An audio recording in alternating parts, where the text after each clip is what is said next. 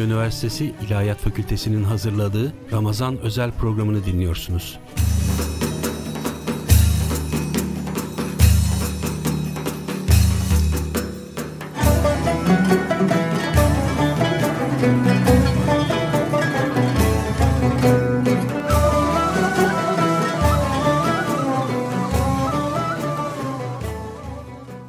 Kıymetli dinleyiciler, öncelikle rahmet ve mağfiret ayı Ramazan-ı Şerifinizi tebrik ediyorum. Hepinizin sağlık ve sıhhat içerisinde bereketli ve feyizli bir Ramazan-ı Şerif geçirmenizi diliyorum. Ben Trakya Üniversitesi İlahiyat Fakültesi İslam Tarihi ve Sanatları Bölümü İslam Tarihi Anabilim Dalı öğretim üyelerinden Doçent Doktor Habibe Kazancıoğlu. Radyo Güne Bakan ile Trakya Üniversitesi İlahiyat Fakültesi'nin birlikte hazırlamış olduğu Ramazan özel programı kapsamında Bugün sizlere Osmanlı Devleti'nde Ramazan ayı ve bazı Ramazan geleneklerinden söz etmeye çalışacağım. Konumuza başlamadan önce Trakya Üniversitesi İlahiyat Fakültesi öğrencilerimizden Turgut Kazan'dan Ali İmran Suresi 189 ila 194. ayetlerini dinleyeceksiniz. Euzu billahi mineşşeytanirracim. بسم الله الرحمن الرحيم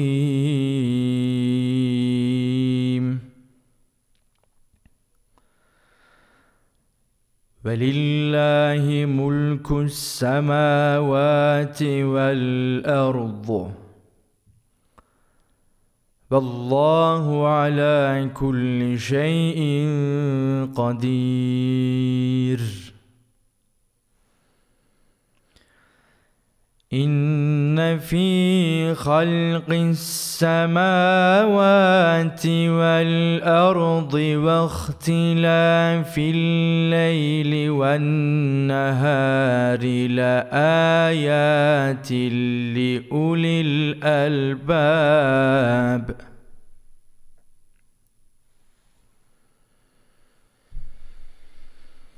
الذين يذكرون الله قياما وقعودا وعلى جنوبهم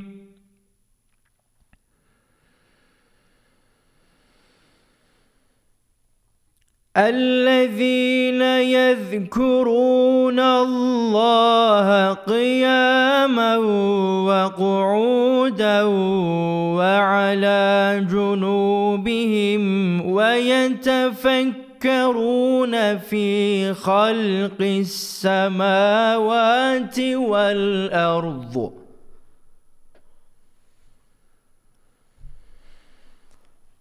ربنا ما خلقت هذا باطلا.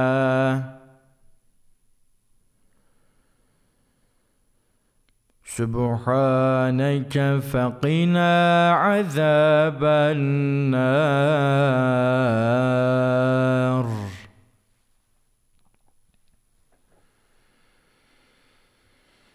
ربنا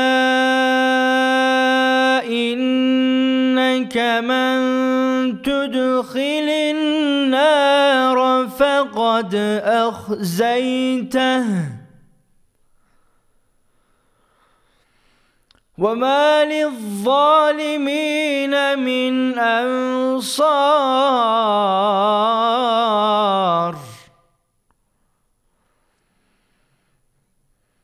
ربنا إننا سمعنا مناديا ينادي للإيمان.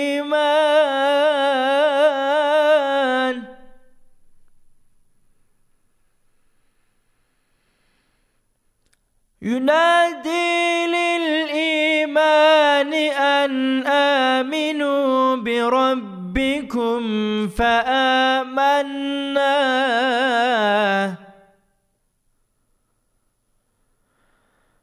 ربنا فاغفر لنا ذنوبنا وكفر عنا سيئاتنا.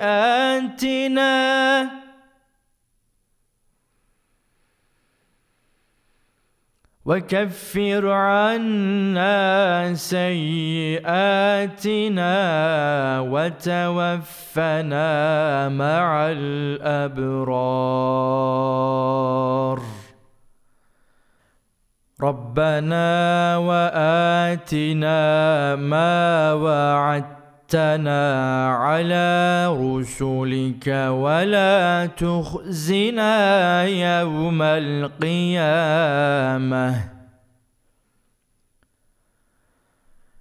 إنك لا تخلف الميعاد.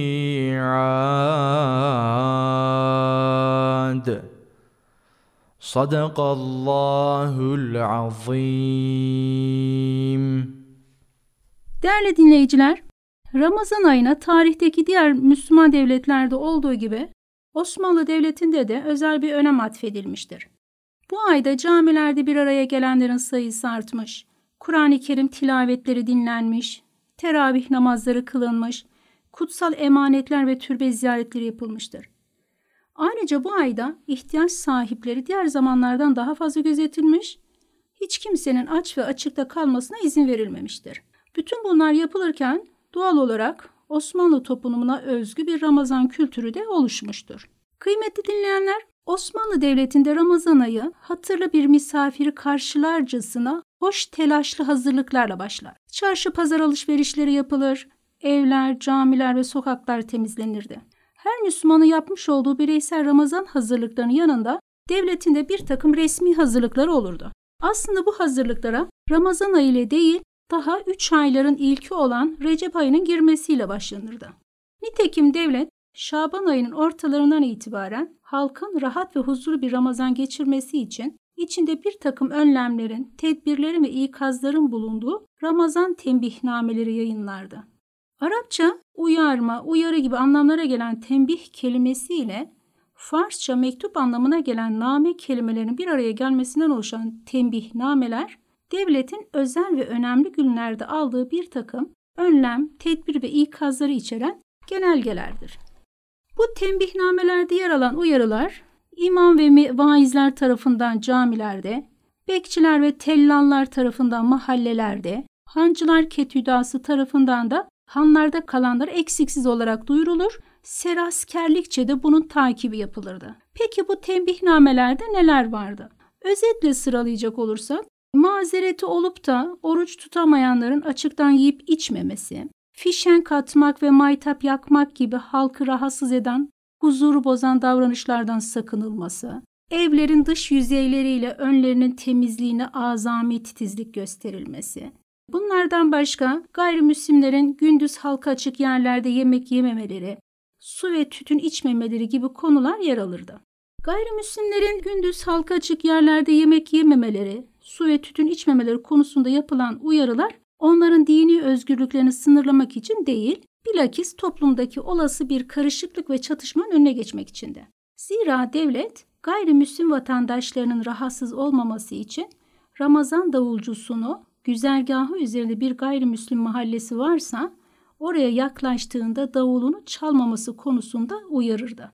Devletin aldığı tedbirler bunlarla da sınırlı değildi hiç şüphesiz. Yine Ramazan'da devlet dini kurallara saygı ve edebin yanı sıra yiyecek sıkıntısının çekilmemesi, esnafın Ramazan'dan istifade ederek yiyecek, içecek, giyecek ve yakacak gibi ihtiyaç maddelerinin fiyatlarını artırmaması için de özel tedbirler alırdı.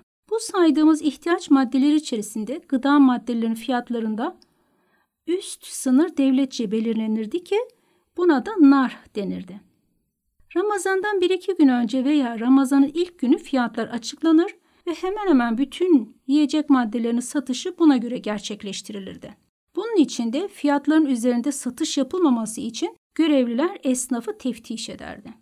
Kıymetli dinleyiciler, Ramazan ayında önemli hazırlıklardan birisi de camiler ve mescitlerde yapılırdı. Yine Ramazan ayında halılar temizlenir, caminin içi ve avlusu güzelce silinip süpürüldükten sonra Ramazanda kullanılacak zeytinyağı, mum ve kandil gibi malzemelerde varsa eksiklikler tamamlanırdı. Pek tabi olarak Ramazan ayının en önemli sembolü camilerin kandil ve mahyalarla süslenmesiydi. Ramazan ayı başlamadan 15 gün önce camilerde mahya kurma hazırlıkları başlardı. Ramazan ayında birden fazla minareli camilerin iki minaresi arasında kurulan ışıklı yazı ve resim olarak tanımlayabileceğimiz mahyalarda Ramazan ayının başında merhaba ya şehri Ramazan, hoş geldin ya şehri Ramazan, 11 ayın sultanı gibi yazılar yer alırken ayın sonuna doğru bu yazıların yerine elveda ya şehri Ramazan, şefaat ya Resulallah ve la ilahe illallah gibi yazılar alırdı. Halkın Ramazan hazırlıklarına gelecek olursak günümüzde de olduğu gibi evlerin yine kıyı köşe temizlenmesinin yanı sıra Ramazan ayı boyunca tüketilecek gıda maddelerin tedariki şeklinde olurdu. Maddi durumu iyi olanlar alışverişlerini un kapanı, yağ kapanı gibi çarşılardan toplu olarak yaparken dar gelirlerin bu hazırlıklarında vakıflar devreye girer. Vakıflar ihtiyaç sahiplerine gerekli yardımı yaparak bu kimselerin maddi anlamda daha rahat bir Ramazan geçirmelerine yardımcı olurlardı. Bilindiği gibi Ramazan ayı tüm İslam toplumlarında Ramazan hilalinin görülmesiyle başlar ve ilk oruç hilalin görülmesiyle tutulur. Osmanlı döneminde Ramazan'ın başlangıç ve bitiş günü hilali gözetleyen kimselerin şehadetiyle belirlenirdi. Ramazan ayının başlangıcı, bitişi ve Kadir Gecesi'nin ne zaman olduğunu tespit etmek İstanbul Kadısı'nın vazifesiydi. Beyazıt Yangın Kulesi, Süleymaniye, Fatih, Sultan Selim ve Edirne Kapı camileri minareleri gibi yerlerde hilali gözetleyen devlet görevlileri ile halktan hilali görenler şu saatte hilali gördüm, bu gece Ramazan'ın başlangıcıdır diyerek şehadette bulunurlar. İstanbul Kadısı tarafından tespit kesinleştikten sonra durum Baba Ali'ye oradan da padişaha bildirilirdi.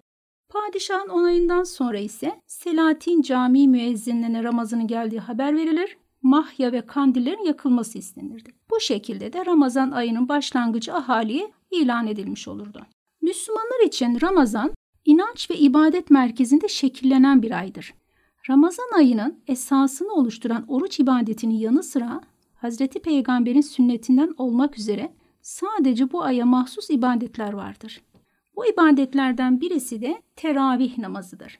Teravih namazları bazı camilerde hatimle yani 20 rekatlık namazın her rekatında birer sayfa Kur'an-ı Kerim okunarak günde 20 sayfa olmak üzere Ramazan'ın sonuna kadar Kur'an-ı Kerim'in tamamının okunup bitirilmesi yöntemiyle bazı camilerde ise özellikle İstanbul'daki Selahattin camilerinde her dört rekatta bir selam verilerek ve her dörtlük arasında değişik makamlarda ilahiler okunarak kılınırdı. Bunlara enderin usulü teravih namazları denilirdi. Enderin usulü teravihlerde okunan bu ilahilerin en önemli özelliği ise Ramazan'ın ilk 15 gecesi merhaba nakaratlı, son 15 gecesi ise elveda nakaratlı olarak okunmalarıydı. Bu da Ramazan'ın gelişinden duyulan sevinç ve gidiyor olmasından duyulan üzüntünün bir ifadesiydi. Kıymetli dinleyiciler, Ramazan ayına özgü diğer bir ibadette İslam tarihi boyunca süre gelen ve günümüzde de devam eden mukabeledir. Üç aylarda ve bilhassa Ramazanlarda cami, mescit ve evlerde daha çok sabah, öğle ve ikindi namazları öncesinde genellikle hafızlar tarafından okunan Kur'an'ı takip etmek suretiyle hatim indirme anlamına gelen mukabelenin okunmasına Osmanlı toplumunda günümüzde de olduğu gibi Ramazan'dan birkaç gün önce başlanır, hatim duası ise Kadir Gecesi ikindi namazında yapılırdı. Kıymetli dinleyenler, Müslümanların özel anlamlar yüklediği mübarek gün ve geceler arasında Kur'an-ı Kerim'in indirilmeye başlandığı Kadir Gecesi'nin hiç şüphesiz ayrı bir yeri vardır. İslam toplulukları Ramazan ayının son 10 gününün tek sayılı gecelerin birinde ama özellikle 27. gecesine denk geldiğine inandıkları bu geceyi ibadet ile geçirmeye özen göstermişlerdir. Kadir Gecesi kendine ait ibadet ve duaları bunlarla ilgili program ve merasimleriyle Osmanlı toplum hayatında önemli bir yer tutuyordu. Bu gecede Ramazan ayının girmesiyle başlayan hatimler bitirilerek duaları yapılır, camilerde vaazlar verilir, hafızlar ve duahanlar tarafından Kur'an-ı Kerim okunur, dualar edilirdi. Büyük camilerde bu duaların sabah namazına kadar devam ettiği olurdu. Bu gecede padişahlar da Selatin camilerde namaz kılar, Kur'an-ı Kerim dinler ve ibadetlerini yaparlardı. Padişahlar Kadir gecelerinde namazlarını eda etmek için özellikle Ayasofya Camii'ni tercih ederlerdi. Sadece padişahlar değil, kıymetli dinleyenler, İstanbul halkı da Kadir gecesini Ayasofya'da eda etmek isterlerdi, ihya etmek isterlerdi. Padişahlar teravih ve tesbih namazlarını camide cemaat ile birlikte eda eder, devlet erkanı da bu gecede padişaha eşlik ederdi. Padişahın bu amaçla camiye gidişleri Kadir alayı şeklinde adlandırılmakta olup bu bir merasim şeklinde gerçekleşmekteydi. Alayın geçeceği güzergahtaki yollar daha önceden tamir edilir, fenerler, çarkıfelekler, kandiller ve meşalelerle donatılarak bu yollar aydınlatılır, ön görünümdeki binalar elden geçirilerek boyanırdı. Güzergahın uygun yerlerinde halkın alayı rahatça seyretmesi için oturma yerleri yapılırdı. 19. yüzyıla gelindiğinde artık Dolmabahçe gibi sahil saraylarında kalan padişahlar bölgede bulunan Kılıç Ali Paşa, Nusretiye, Sinan Paşa ve Yıldız camilerine gitmeye başlamış. Bu sebeple de Kadir Alayı saray ile bu camiler arasındaki güzergahta düzenlenmiştir. Değerli dinleyenler, Osmanlı döneminde Ramazan ayına mahsus geleneklerden biri de yine günümüzde de olduğu gibi hırkayı şerif ziyaretleriydi.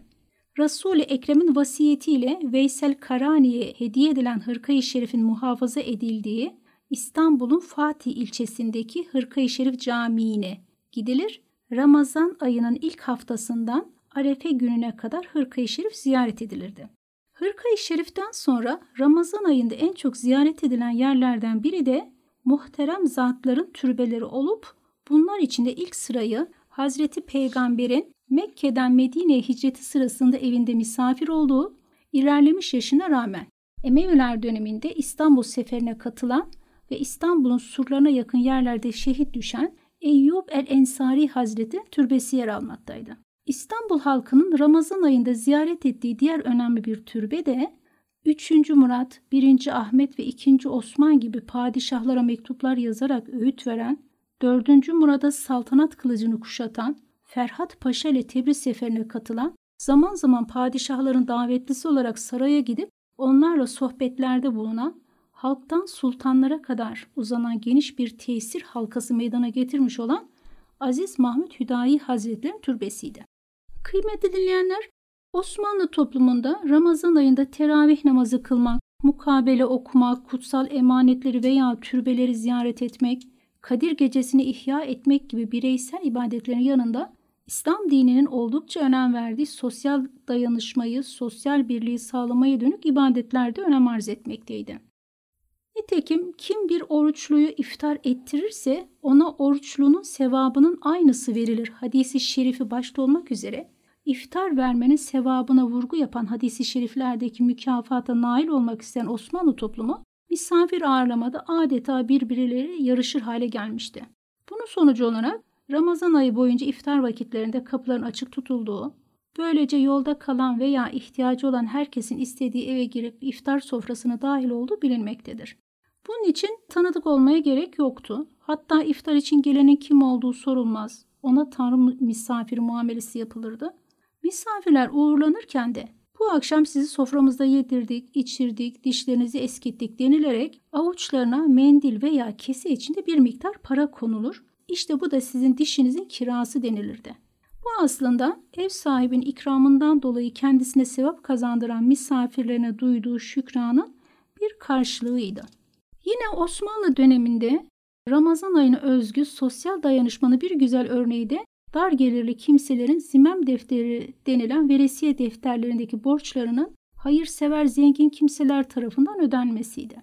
Ramazan ayının hemen başında dönemi varlıklı kimseleri hiç tanımadıkları yerlerdeki bakkal, manav, kasap gibi esnafların dükkanlarına giderler. Onlardan zimem defteri denilen veresiye defterini çıkarmalarını isterler defterin baştan, ortadan, sondan rastgele bir sayfasını seçerek silin borçlarını Allah kabul etsin der ve borcu sildirirdi. Bu şekilde borcu ödenen borcunu kimin ödediğini bilmezken borcu sildiren de kimin borcunu ödediğini bilmezdi. Bu gelenek sayesinde yardım yapan kimsede gurur ve riyan önüne geçilirken yardım alan kimsede de mahcubiyet duygusunun önüne geçilmiş olurdu. Kıymetli dinleyenler, Osmanlı Devleti'nde sosyal yardımlaşmanın önemli bir vasıtası da sadaka taşlarıdır. Bu amaçla halkın kolayca ulaşabileceği camilerin, çeşmelerin, köprülerin, kimi zaman türbe, tekke, hazire, dergah, han, hastane ve bakım evlerinin kimi zaman da sık geçilen sokakların bir köşesine küçük sütunlar dikilirdi. Bu sütunların üst yüzeyleri üzerinde küçük bir çukur yani bir hazne bulunurdu. İsteyenler sadakasını buraya bırakır, ihtiyacı olup da sadaka isteyemeyen kişiler de ihtiyacı kadar parayı buradan alarak sıkıntılarını giderirlerdi. Parayı bırakan da, parayı alan da kimsenin görmemesi için genellikle gece karanlığını tercih ederlerdi. Bu zarif yardımlaşma aracı alan eli utanç ve eziklikten, veren eli de gurur ve riyadan korumaktaydı. Yılın her döneminde işlevsel olan sadaka taşları Ramazan aylarında ayrı bir önem kazanır. Hayırsever kimseler bu ayda yapılan yardımların sevabının daha fazla olduğu bilinciyle yardımlarını özellikle ihtiyaç sahibi kimselere sadaka taşları yoluyla ulaştırmak isterlerdi. Osmanlı toplumunda Ramazan ayında sadece insanların değil hayvanların da doyurulmasının kendilerine diğer zamandakilerden daha fazla sevap kazandıracağına inanan Müslümanlar bu ayda hayvanlara yardım etmeye ayrıca önem gösterirlerdi. Nitekim 1575 yılında Ramazan ayında İstanbul'da bulunan Alman seyyah Schweiger eserinde konuyla ilgili olarak bu bereket ve bolluktan sadece insanlar değil hayvanlar da nasiplenir. Şehzade Mehmet Camii'nin önünde her gün ikindi vakti 30-40 aç ve perişan kedi toplanır. Türkler buraya gelerek onlara et ve ciğer parçaları atarlar. Bu onlar için büyük bir sadaka niteliğindedir. Zayıf olan hayvanlar bunları yer. Bazı kişiler de kafesteki bir kuşu satın alıp onu serbest bırakarak sevap kazanmaya çalışır demektedir. Değerli dinleyenler, Osmanlı toplumunda esasını inanç ve ibadetin oluşturduğu Ramazan ayında oruç gibi meşakkatli bir ibadetin ardından İslam dininin izin verdiği çerçevede bir eğlence geleneğinin oluştuğu da görülmektedir. Gündüzleri oruç, mukabele, vaaz dinleme gibi ibadetlerle geçirilen Ramazan ayı gece olduğunda bambaşka bir havaya bürünürdü. Akşam namazıyla yatsı namazı arası sokaklar sakin olurken teravihten sonra gezme ve eğlence faslına geçilir Büyük küçük herkes sokaklara dökülür. Sokaklarda adeta insan seli yaşanırdı. Teravihten sonra başlayan eğlencelerin en fazla ilgi göreni kuşkusuz Karagöz oyunuydu. Karagöz oyunu dışında meddahlar ve direkler arası eğlenceleri halkın ilgiyle takip ettiği geleneksel eğlencelerdendi. Kıymetli dinleyenler, Osmanlı toplumunda Ramazan bayramı geleneklerinden de kısaca bahsedecek olursak genel olarak şunları söylememiz mümkün. Bayram gününün tespiti Ramazan'ın başlangıcında olduğu gibi yine hilalin görülmesiyle olur. Arefe günü ikindi vaktinde atılan top atışı ve kandillerin yanmasıyla bayram ilan edilirdi. Bayramlıklarını giymek için sabırsızlanan bazı çocuklar bayramlıklarını giyerek Arefe günü sokağa çıkarlar. Bu sebeple de bu çocuklara Arife çiçeği denilirdi. Bayram sabahı gün doğumunda minarelerde önce temcid ardından da sabah ezanı okunurdu. Bayramlık elbiselerini giyen erkekler camilere giderlerdi. Bayram namazı kılındıktan sonra ilk tebrikleşmeler cami avlusunda başlar. Çıkışta da yaşça büyük olanların elleri öpülüp dualar alınırdı. Bayram namazından sonra eve dönülmeden önce kabristanlara gidilir, kabir ziyaretleri yapılırdı. Evlerine dönen cemaat öncelikle kendilerini kapı önünde bekleyen aileleriyle bayramlaşır, daha sonra komşu ziyaretleri başlardı. Ancak bunlardan önce yani bu aileleri ilk ziyaret edenler bekçiler olurdu. Bekçilerin elinde bir sırık olur. O sırık evlerden birinin penceresinden uzatılır. İçeriden de sırığın ucuna mendil ya da değişik hediyeler bağlanırdı. Bayram tebriğine gelenlere genellikle badem şekeri, lokum ve çeşitli tatlılar ikram edilirdi. En meşhur ikram günümüzde de olduğu gibi baklavaydı. Erkek çocuklarına kabartılmış motifli, kız çocuklarına da kenarları fırfırlı renkli mendiller hediye edilirdi. Bayram harçlıkları bazen çocukların eline, bazen de bu mendillere sarılarak verilirdi. Çocuklar genellikle bu mendilleri kullanmazlar, bayram mendili koleksiyonu yaparlardı. Fatih, Vefa, Kadırga, Üsküdar, Beşiktaş gibi semtlerin meydanlarına bayram meydanı kurulurdu. Bu meydanların etrafı çadırlara çevrilir, kocaman bir çadırın içinde hokkabazlar ve cambazlar gösteriler yapardı. Meydanda kurulan salıncaklar, dönme dolaplar, atlı karıncalar çocukların en güzel bayram eğlenceleri olurdu. Kıymetli dinleyenler, Osmanlı toplumundaki Ramazan gelenekleri şüphesiz anlattıklarımızda sınırlı değil ancak sizler de takdir edersiniz ki bizim vaktimiz sınırlı. Beni dinleyen siz değerli dinleyicilerimize saygılarımı sunuyorum. Başta tuttuğumuz oruçlarımız olmak üzere bütün ibadetlerimizin kabul olunmasını Cenab-ı Hak'tan niyaz ediyorum. sağlık ve sıhhatle nice Ramazanlara erişmeniz temennisiyle şimdiden hayırlı bayramlar diliyorum. Ve sizlere Trakya Üniversitesi İlahiyat Fakültesi öğretim üyelerinden Profesör Doktor Abbas Yahya hocamızın ilahisiyle baş başa bırakıyorum. Hoşçakalınız. Zima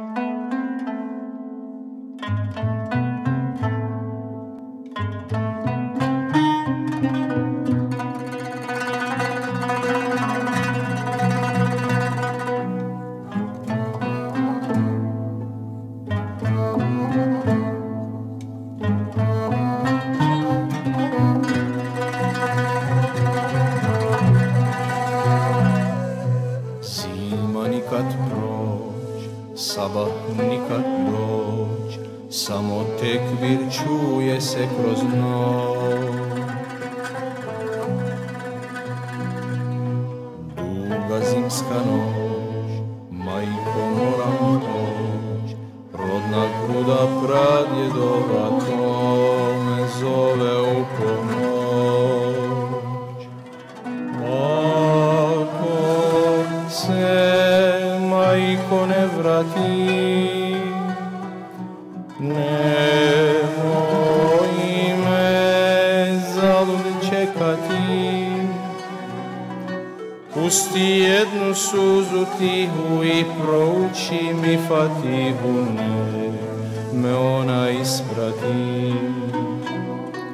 Pusti jednu suzu tihu i prouči mi fatihu, ne me ona isprati.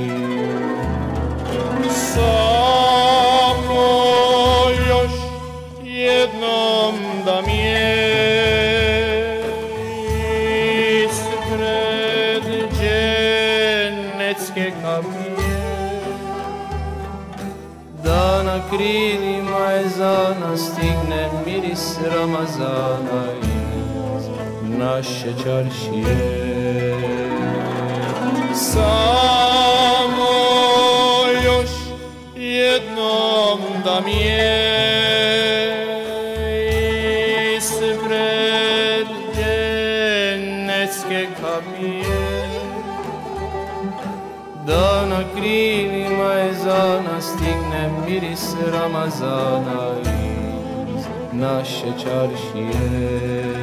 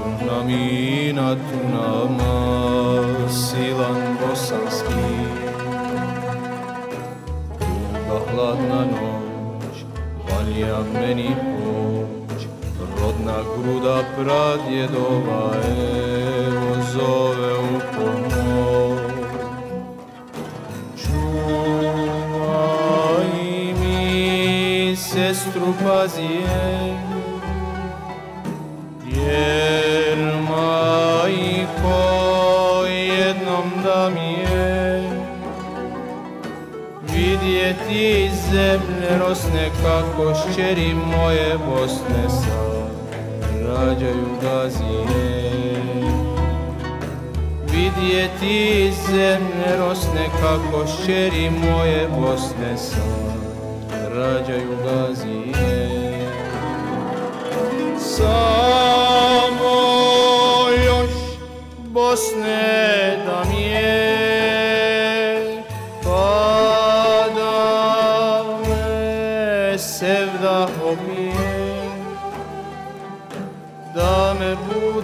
bude pjesme stare i mu jezin sam naresa bijele džamije. Samo još Bosne da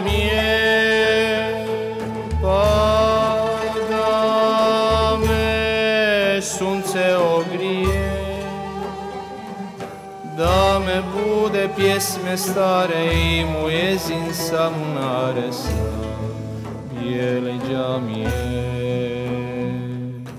Zima nikad proć, sabah nikad doć Samo tekbir čuje se kroz noć